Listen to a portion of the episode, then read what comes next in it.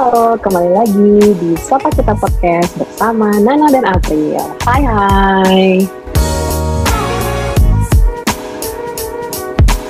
Di episode kali ini, oh Aprilnya udah nongol tuh.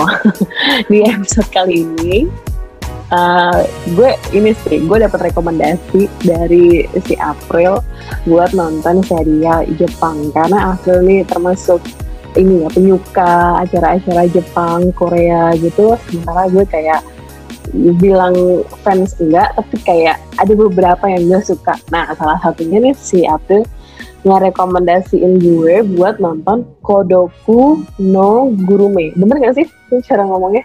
Iya. Kodoku Gurume gitu ya. uh,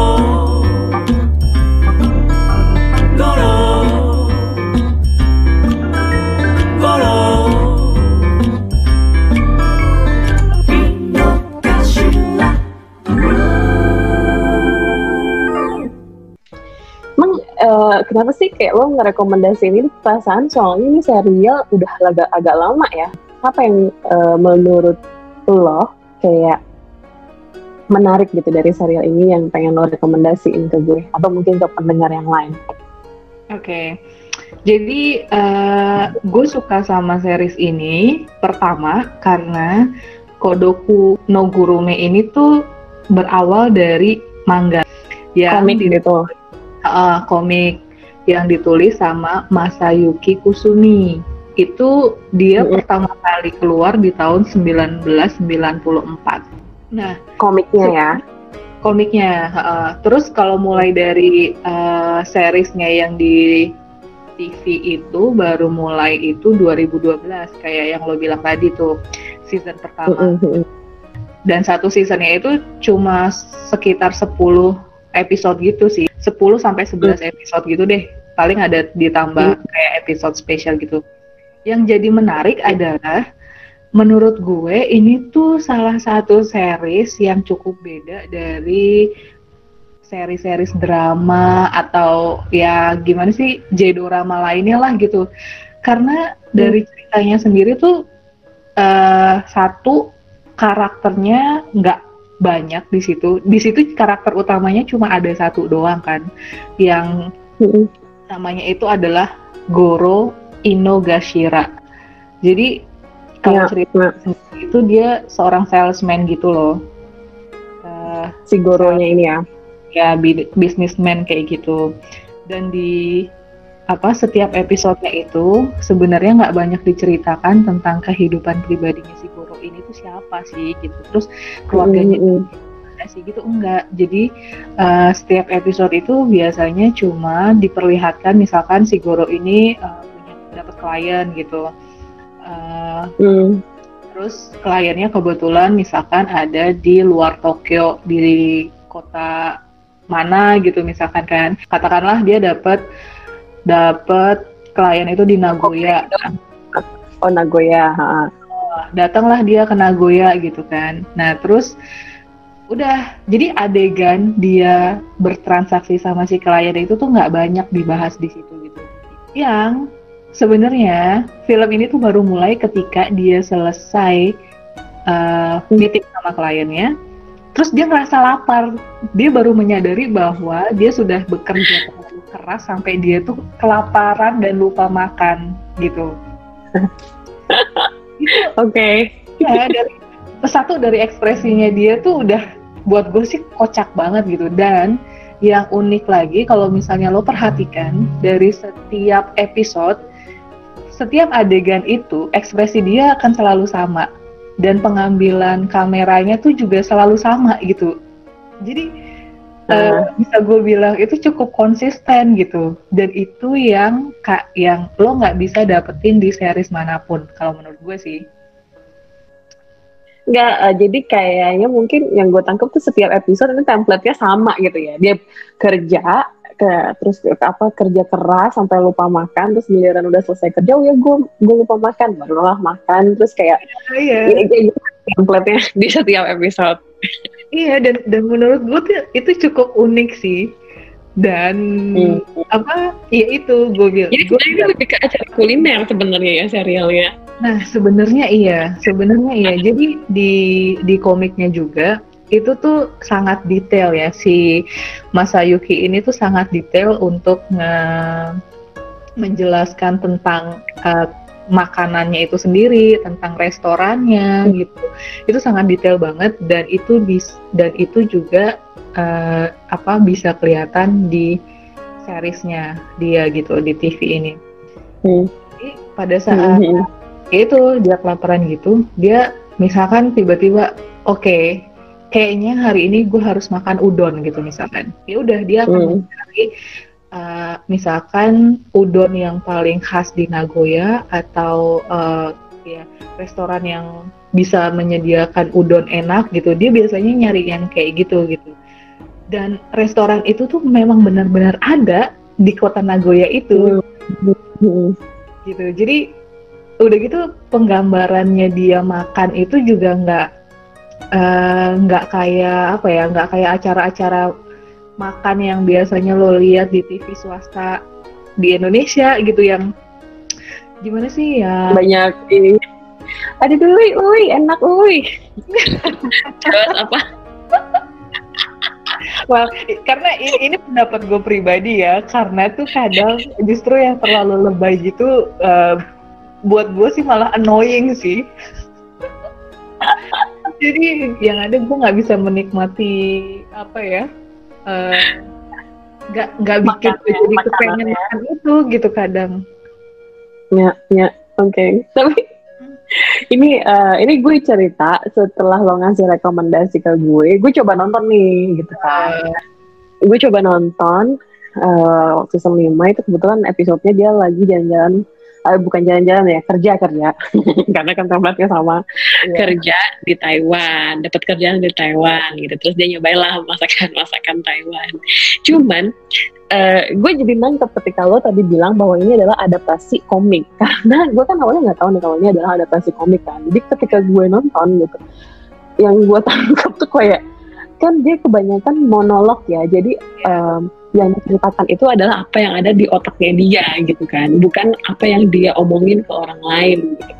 dan buat gue tuh kayak ini uh, gue jadi nanggap oh ini di komik. Kalau di komik kan emang kayak gitu ya. Jadi teksnya tuh lebih ngejelasin apa yang terjadi. Karena itu cuma gambar. Dan ini tuh kayak yang gue tangkap serial ini tuh benar-benar ngadaptasi apa yang di komik dijadiin uh, apa sih uh, layar kaca gitu loh. Jadi apa yang tulisannya di komik langsung diadaptasi diomong dijadiin pemikirannya si guru ini gitu kan. Iya, iya.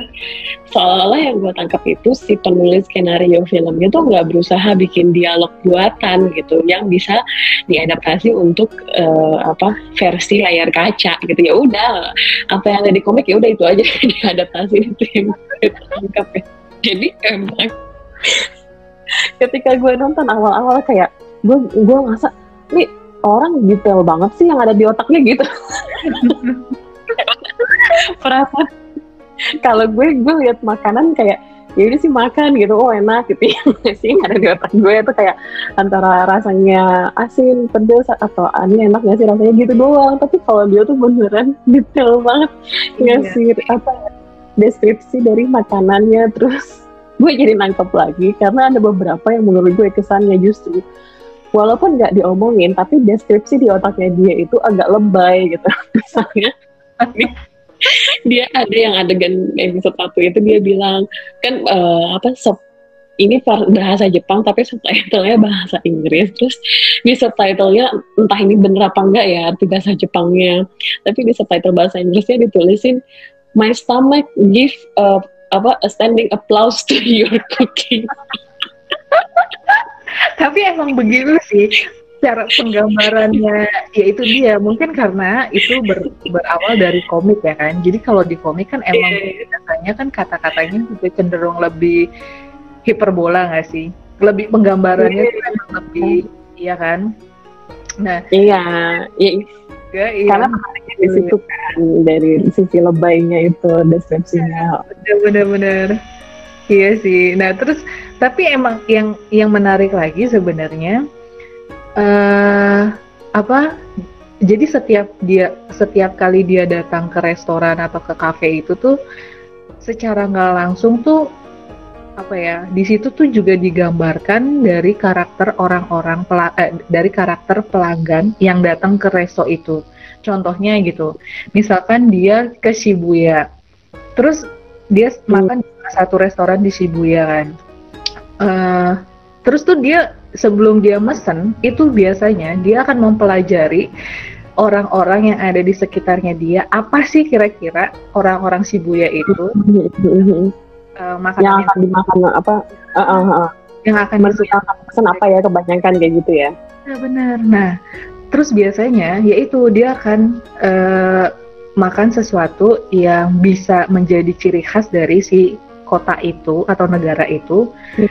terus uh, yang biasanya juga akan dia uh, apa ya cara makannya tuh biasanya ditambahin sama entah dressing lah atau atau saus kayak ya ada pokoknya ditambahin sama dia sendiri gitu loh kayak harusnya nggak nggak ditambah mustard tapi eh ternyata ditambah mustard enak loh gitu kayak kayak gitu tuh uh -huh. yang gue jadi lebih sering bereksperimen dengan makanan gue sendiri gitu. Hmm, Oke. Okay.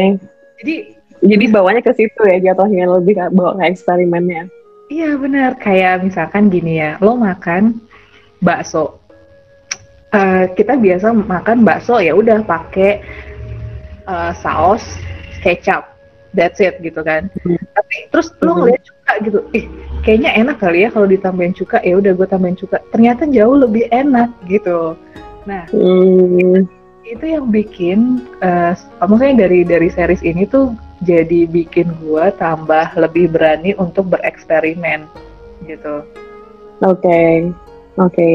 Dan juga lebih merhatiin daerah apa namanya, merhatiin sosialnya kayak gimana ya. Istilahnya kan mereka yang istilahnya mungkin kayak udah punya kebiasaan kali dari kebiasaan itu ada beberapa yang bisa uh, coba-coba diadaptasi gitu kali ada yang suka ada yang enggak gitu kan maksudnya. Iya benar-benar benar.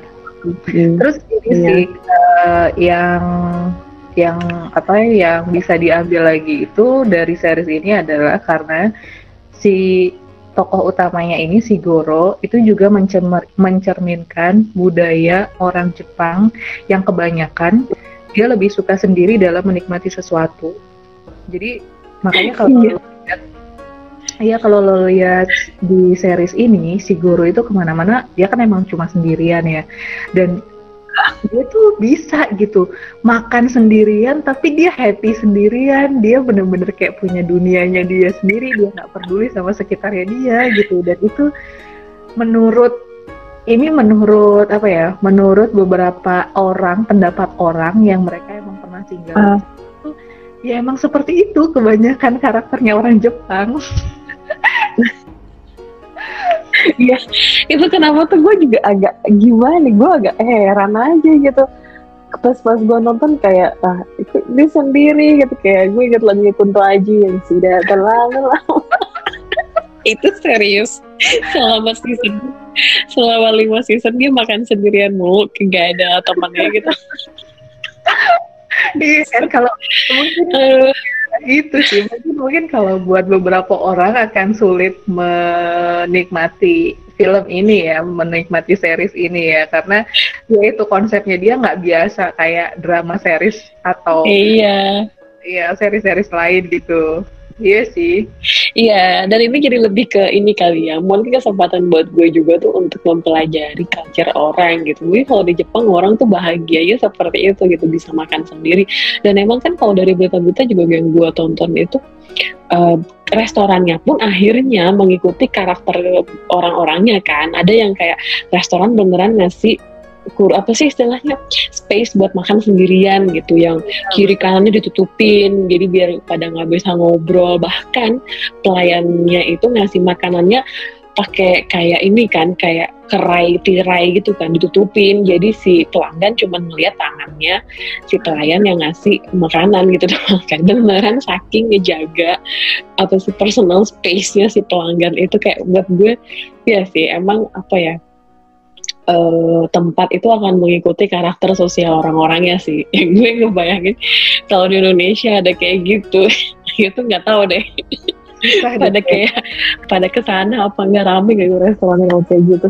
gue rasa kalau kalau uh, apa di Indonesia bakalan banyak pelanggan yang justru komplain karena merasa tidak diperhatikan oleh waiternya ya nggak sih ya kayak oh, iya kalau ya pengalaman gue waktu ke sana itu kan emang kebanyakan restoran bahkan itu kita pesan aja uh. pakai mesin kan jadi kita udah pesen dulu nih di depan pintu masuk sebelum pintu masuk itu uh, uh, uh, uh, uh. mesin mesin pemesan makanan itu. Uh, uh. Jadi kita udah pesen menunya, eh, udah pesen makanannya lewat mesin itu, bayar pun juga di situ. Nah, jadi waktu hmm. kita masuk, kita cuma dikasih, misalkan uh, apa dikasih meja doang gitu, dianterin ke mejanya doang. Terus ya hmm. udah sampai nunggu makanan itu selesai gitu. Bahkan ada beberapa tempat aja yang kayak nasi, kayak minuman itu kita ngambil sendiri gitu. Jadi nggak dilayani sama mereka. Di situ sih gue memang ngelihat uh, apa ya, kayaknya emang budaya di sana itu memang uh, apa sih interaksi makan itu privasi gitu, interaksinya dikurangin Bener-bener interaksi interaksi apa ya antar orang pelanggan antara pelanggan sama waiter itu tuh emang kayaknya dibatasin banget kan. Udah gitu kadang lo bisa melihat di sebelah meja di sebelah lo itu yang harusnya kursi untuk empat orang misalkan. Terus ada satu orang duduk di situ dan kebetulan uh, kondisi restoran itu cukup penuh. Terus ada satu lagi orang yang mau makan, nah itu bisa duduk di seberangnya si, maksudnya di satu table yang cuma satu orang tadi gitu ya, yang untuk empat orang. Gitu. Jadi hmm. bisa didudukin di situ dan mereka bisa makan dengan santai tanpa ngobrol, ngerti nggak lo? Kalau di Indonesia, lo di Indonesia, lo makan di satu meja dengan stranger, kadang aja lo masih basa-basi, mbak enak makan. Iya tadi pesannya apa gini gini. Iya nggak sih? Maksudnya pasti akan ada selalu. eh, yang paling gampang tuh kayak dari mana mbak? Iya ngobrol akhirnya. Masih oh dari misalnya kayak oh dari daerah Semarang. Oh iya aku punya saudara loh di Semarang. Ya Iya sih kayak gitu. Iya bener. Yang ujung-ujungnya lu bakalan kenalan, setelah nomor telepon, iya. Facebook atau Instagram lo menurut gue di sana tuh emang mereka sangat menghargai privasi masing-masing ya. Itu yang ya. yang gue salut sih. Dari budaya makannya. Eh tapi kan kalau nggak salah kan juga ketika sekarang ini lagi apa namanya uh, lagi masa-masa pandemi ini kalau nggak salah kan Jepang juga termasuk negara yang efektif ya. Uh, iya, apa iya. namanya dalam mencegah penyebaran yeah. pandemi mungkin ada ada ada hubungannya sih sama budaya mereka yang serba apa sendiri gitu yang jangan tuh kayak isolasi udah biasa buat mereka? Itu dia bisa jadi ya. Mereka nggak suka berinteraksi secara apa ya secara terbuka di publik. Contohnya kalau misalnya lo naik uh, kereta kan itu oh ya kayak misalnya lo sepi gitu Iya, itu sepi. Jadi misalkan lo sam uh, lo naik kereta terus lo nerima telepon aja itu dianggap tidak sopan gitu. Hmm, hmm, hmm. Lo tuh kebayang gak sih lo lo melaku lo melaku uh, istilah gimana? Lo nerima telepon di publik aja itu dianggap nggak sopan. Apalagi ngobrol sama orang beneran gitu kan, nggak cuman di telepon lagi ngobrol. Makanya waktu waktu gue pernah ke sana juga itu uh, uh, itu baru nyampe sih baru nyampe ke baru nyampe bandara. Terus kan dari bandara kita harus naik kereta ke ya penginapan gitu. ya gimana sih? Gue kan otomatis ya gue akan ngobrol sama suami gue gini gini gini. Justru gue yang ditegur sama suami gue kayak jangan ngobrol di kereta tuh nggak boleh ngobrol. Jadi diem aja tuh nggak ada yang ngobrol. Tadi oke okay, gue langsung diem dong. Karena emang bener, mungkin gak sih kalau lo setahun aja di Jepang lo jadi orang pendiam. Cepet jadi ya. Atau lo setahun di Jepang terus lo balik ke Indonesia kayaknya yang ada lo marah-marah gitu gak sih? Kayak di, kalau di kereta ada yang lagi ngobrol jangan ngobrol ganggu lah gitu gak sih? Iya bisa jadi bisa jadi. Nah, Tapi ya sih uh, istilahnya berarti uh, buat mereka atau buat orang Jepang itu mungkin kalau disuruh social distancing itu nggak masalah karena udah jadi bagian dari uh, sebagian dari kehidupan mereka sehari-hari gitu ya. Istilahnya mereka udah terbiasa meminimalisir social contact. Terus kayaknya kalau nggak salah juga mereka bukan tipe orang yang punya banyak temen gitu nggak sih? Punya temen tapi cuman beberapa doang. Iya sepi nggak sih kalau bisa boleh dibilang, kalau mungkin sepi kalau ngelihat dari sisi pandang kita gitu ya yang kebiasa dengan apa ya hubungan sosial yang rame yang sama keluarga sama keluarga besar sekalian gitu nggak sih? Iya iya iya iya. Beda ya mungkin emang kulturnya sama mm -hmm. orang Indonesia kan. Kita terbiasa arisan ya kan? Terbiasa ya itu ngumpul di pos ronda misalkan. Di sana kan nggak ada kayak gitu ya. Iya benar. Tapi uh, apa? Menurutku tuh kayak mungkin nggak sih ini terjadi di Indonesia? Kan sebenarnya bisa boleh dibilang tuh kalau di daerah perkotaan juga orang kan bisa dibilang kayak di, di ibu kota tuh mungkin orang tuh udah uh, apa ya udah mulai ini ya sih lama-lama tuh uh, kalau kehidupan sehari mem mulai membatasi kehidupan sosialnya karena tuntutan hidup di perkotaan itu tinggi gitu kan. Kayak Senin sampai Jumat lo harus mulai kerja dari subuh gitu kan. Hmm. subuh udah berangkat kerja kadang terus nanti pulang tuh udah malam uh, udah capek mungkin ya baru bisa sama keluarga.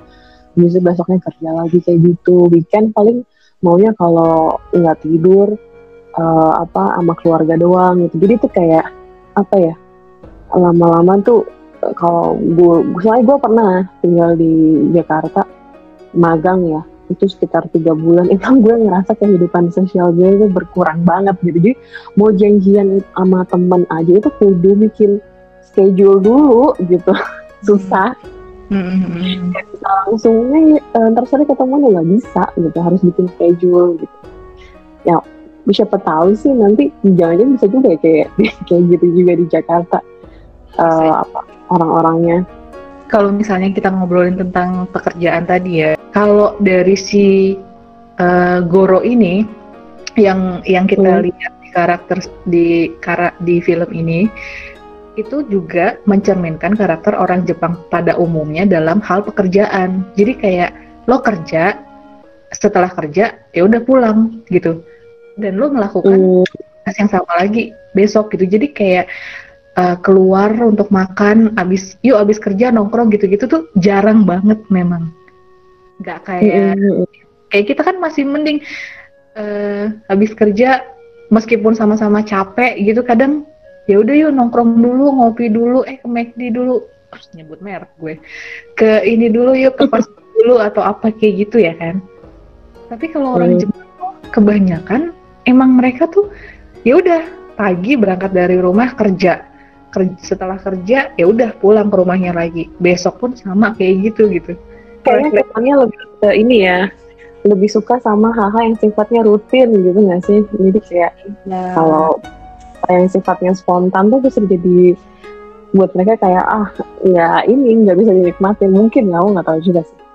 Tapi anyway uh, ini bukan berarti kayak kita mau bilang oh, orang Jepang semua karakternya kayak gini atau seorang Indonesia juga semua karakternya kayak gini. Cuman intinya kayak kayak ini kita sharing aja kali ya. Kalau buat gue pribadi nonton serial ini tuh lebih ngasih sedikit gambaran sih oh orang Jepang itu atau karakternya.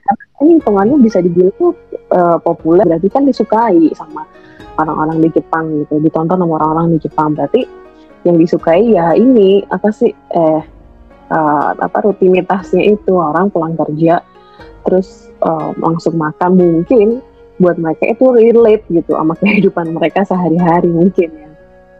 Tapi iya. buat gue ya oke okay, jadi tahu kebiasaannya tuh seperti apa kebiasaan orang-orang Jepang gitu. Terus mungkin mudah-mudahan next time kalau gue ada rezeki misalnya gue pengen juga sih ke Jepang minimal gue jadi tahu oh uh, atau jadi tambah ini lagi kayak tambah catatan gitu. Oh kalau mau makan tuh jangan cuman makannya aja. Karena kan orang kayak vlogger-vlogger kan banyak juga tuh. Saya yang ke Jepang langsung eh kita nyoba ini kita nyoba ini. Tapi setelah ngeliat serialnya tuh gue nggak cuma pengen nyobain makanannya tapi kayak juga merhatiin sekitarnya. Oh ini orang-orangnya orang-orang kayak gimana sih yang makan di sini? Apakah orang-orang pekerja kayak guru atau ini orang-orang kayak uh, apa turis atau ini orang-orang pelajar? Gitu kan beda-beda ya. Dan iya. buat gue tuh kayak aku ah, pengen ngeliatin ininya juga kayak kebiasaan mereka makan tuh kayak gimana gitu. Hmm. ya intinya buat buat apa ya? Buat pengenalan budaya Jepang terutama budaya makan serial ini bolehlah dicoba gitu ya. Dan enaknya ini ya tiap episode beda-beda ya. Jadi mau mulai dari mana aja sama aja gitu kan. Nggak nggak akan ketinggalan cerita apa pun Iya sih, iya ya benar. Nah satu lagi sih sebenarnya yang yang bisa diambil dari series ini, ini tuh hmm. series itu memang bikin kita belajar. Uh, sebenarnya nggak cuma ke Jepang ya, ke mana pun deh ke mana pun lo pergi, negara mana pun, daerah mana pun, bahkan di Indonesia sendiri gitu kan, uh, setiap daerah juga punya budaya masing-masing ya. Jadi tuh hmm. bikin gue akan lebih berhati-hati pada saat traveling sih. Kayak misalkan, ya itu tadi yang kita anggap mungkin biasa aja, bisa jadi di daerah itu atau di negara itu dianggap nggak sopan gitu. Kayak contohnya yang kita ngangkat telepon di kereta ya kan? Kalau di Indonesia kan biasa aja. Lo naik kendaraan umum terima telepon sambil teriak-teriak jarang banget ada orang yang negor lo gitu ya kan? Sedangkan hmm. kalau di lo telepon bunyi aja mungkin semua mata udah tertuju pada lo gitu jadi kayak ya udah lo dengan otomatis akan matiin telepon gitu kalau dari serial itu kan diceritain makan makan sendiri itu bagian dari budayanya ya. Uh. Nah kalau itu gue gitu mungkin kayak uh, gue bukan tipe orang yang nyaman makan sendiri pilihannya uh. buat gue antara gue ngajak teman atau gue bawa pulang aja gue pesen bawa pulang. Oh iya iya iya. Iya. Sih. Ya, gue juga sebenarnya bukan tipe orang yang ini sih, yang enjoy makan sendirian gitu. Ya itu kalau misalnya lo tertarik dengan uh, dunia kuliner, mm-hmm. gue rasa akan mudah sih. Dunia kuliner dan traveling itu akan mudah untuk ngikutin series ini. Oke, okay. thank you rekomendasinya April. Ini salah satu yang gue rekomendasikan. Semoga pada suka. Oke, okay, sampai jumpa di episode podcast kita berikutnya. Bye. Yuk.